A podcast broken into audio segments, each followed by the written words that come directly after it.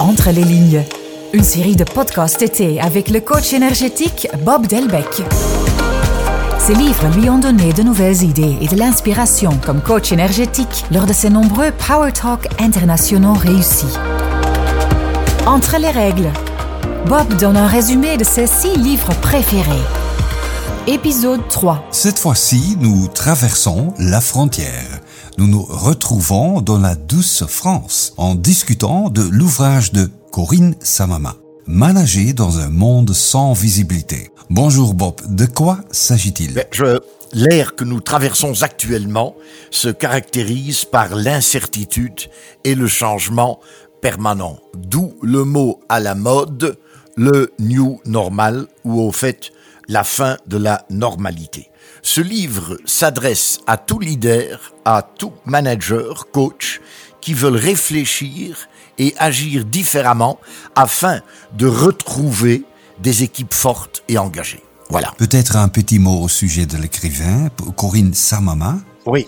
Eh bien, j'étais à Paris, euh, la Défense, pour une présentation il y a huit ans. Parce qu'en effet, ce livre a été édité il y a huit ans. Je l'ai découvert, je l'ai lu d'un trait. Et j'étais très impressionné par la clarté des idées et le côté pratique de ce livre. Je l'ai redécouvert dans ma bibliothèque, euh, donc huit ans plus tard, et je suis encore euh, tout aussi impressionné par euh, les idées et les solutions dans ce top après-Covid.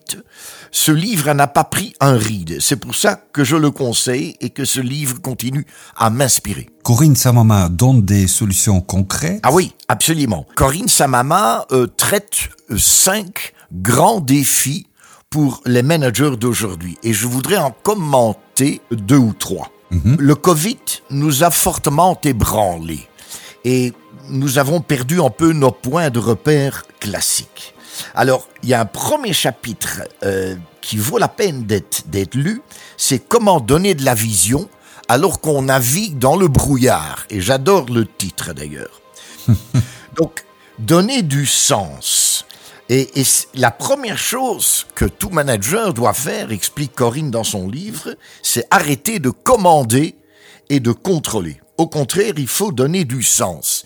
Et les dirigeants d'aujourd'hui doivent être capables de continuer à être porteurs de sens.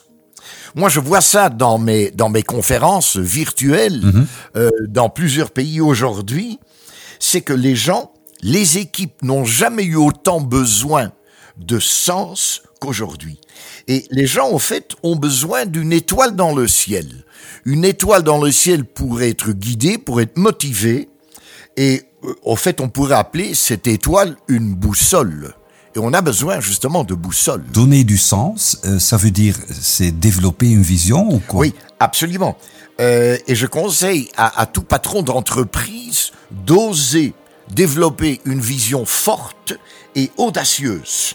On dit en anglais, if you aim for the moon, you may hit stars. Parce que les gens, et certainement les jeunes aujourd'hui, veulent euh, s'identifier plutôt avec le défi de l'entreprise que le métier, que le job. Donc, on a tout avantage à ce que les gens aient envie de se surpasser. Donc, le manager doit arrêter de consommer l'énergie des gens en demandant chaque fois de plus en plus de boulot et de travail. Au contraire, quand les gens ont l'envie de se surpasser pour atteindre cette vision, eh bien, ils seront moins fatigués euh, et le stress et la fatigue auront moins d'impact sur eux. On dit d'ailleurs, et Corinne l'exprime très bien, les managers sont un peu les athlètes de demain comment justement construire, comment développer cette énergie auprès des gens. Peut-on imposer une vision? Ah non, absolument pas, ce serait contre-productif. Donc dans le new normal, fini les grandes stratégies stratosphériques, comme on dit à Paris, euh, sur 5 à 10 ans, euh, quelque part concoctées dans des tours d'ivoire par des gens brillants et intelligents. Non, non, ça c'est ça c'est révolu tout ça. Aujourd'hui, une vision doit être co construite avec l'ensemble des collaborateurs, collaboratrices, à tous les niveaux de l'entreprise.